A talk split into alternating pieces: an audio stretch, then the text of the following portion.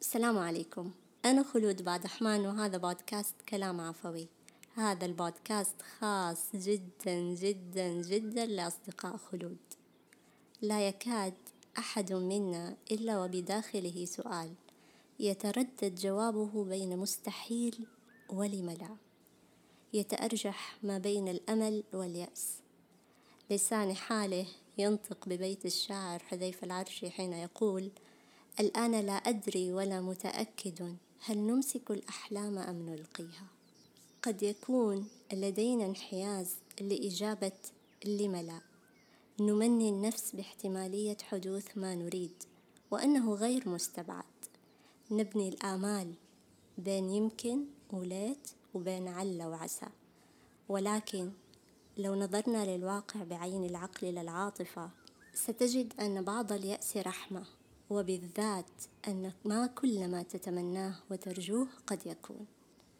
أعرف أنك حائر أمام ذاك السؤال وتريد إجابة حاسمة. لن تملك كل الإجابات مهما حاولت وستظل هناك أمور محيرة. لا تستطيع حسمها بنفسك أو لا تستطيع حسمها في ذات الوقت. ما الحل؟ حاول تجاهلها. الواقع يعطي الإجابات وإن طال الوقت. المهم ألا تقيد نفسك بفكرة واحدة وألا تكون رهن حلم لا تملك أي دليل ملموس عليه. هذه هي الحياة. لا تعطينا الإجابات دفعة واحدة. اليأس ليس سلبيا دائما فقد يجعلك تنظر للأمور بمنظور آخر تغير مسارك. تكف عن إضاعة الوقت والجهد فيما لا جدوى منه. ترى ما هو أفضل مما أنت تريده ومتمسك به. يخفف عنك لوعة الحزن فيما لو أغلق الباب بالكلية وأعطتك الحياة إجابة حاسمة لم تكن ترغب بها. ليست دعوة لليأس ولكنها فرصة لأن تدرك كيف تختبئ الألطاف في طياته. بعض اليأس رحمة ولكننا لا ندرك. السؤال متى يجب أن تيأس؟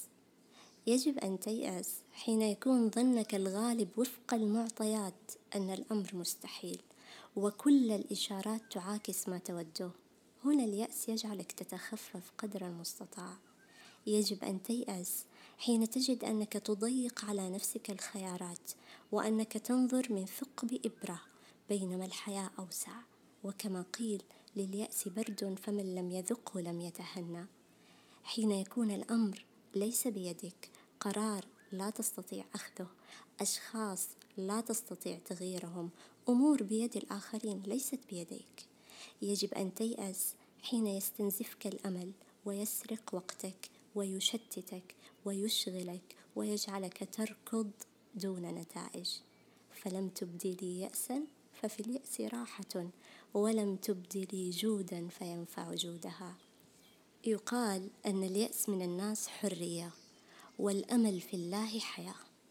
ليست كل فكرة تستحق أن تبني لها صروحا من الآمال وإن لم نستوعب فسوف تسقط فوق رؤوسنا يوما ما.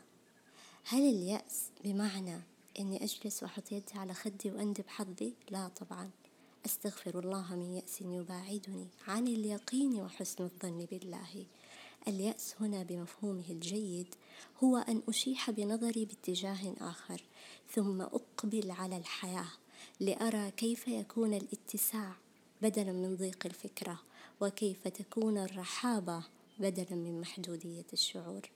رتب أمورك وستدرك أن في بعض اليأس قوة كان عمر بن الخطاب رضي الله عنه يقول وإن اليأس غنى وإن الإنسان إذا أيس من الشيء استغنى عنه.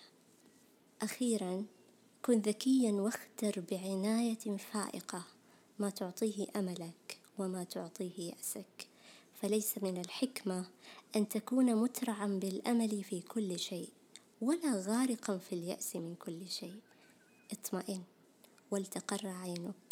قد جعل الله لكل شيء قدرا. شكرا لاستماعكم. لا تنسوا تشاركوا هذه الحلقة مع الناس اللي تحبوهم بس اللي تحبوهم ونلتقي بإذن الله تعالى في حلقات قادمة.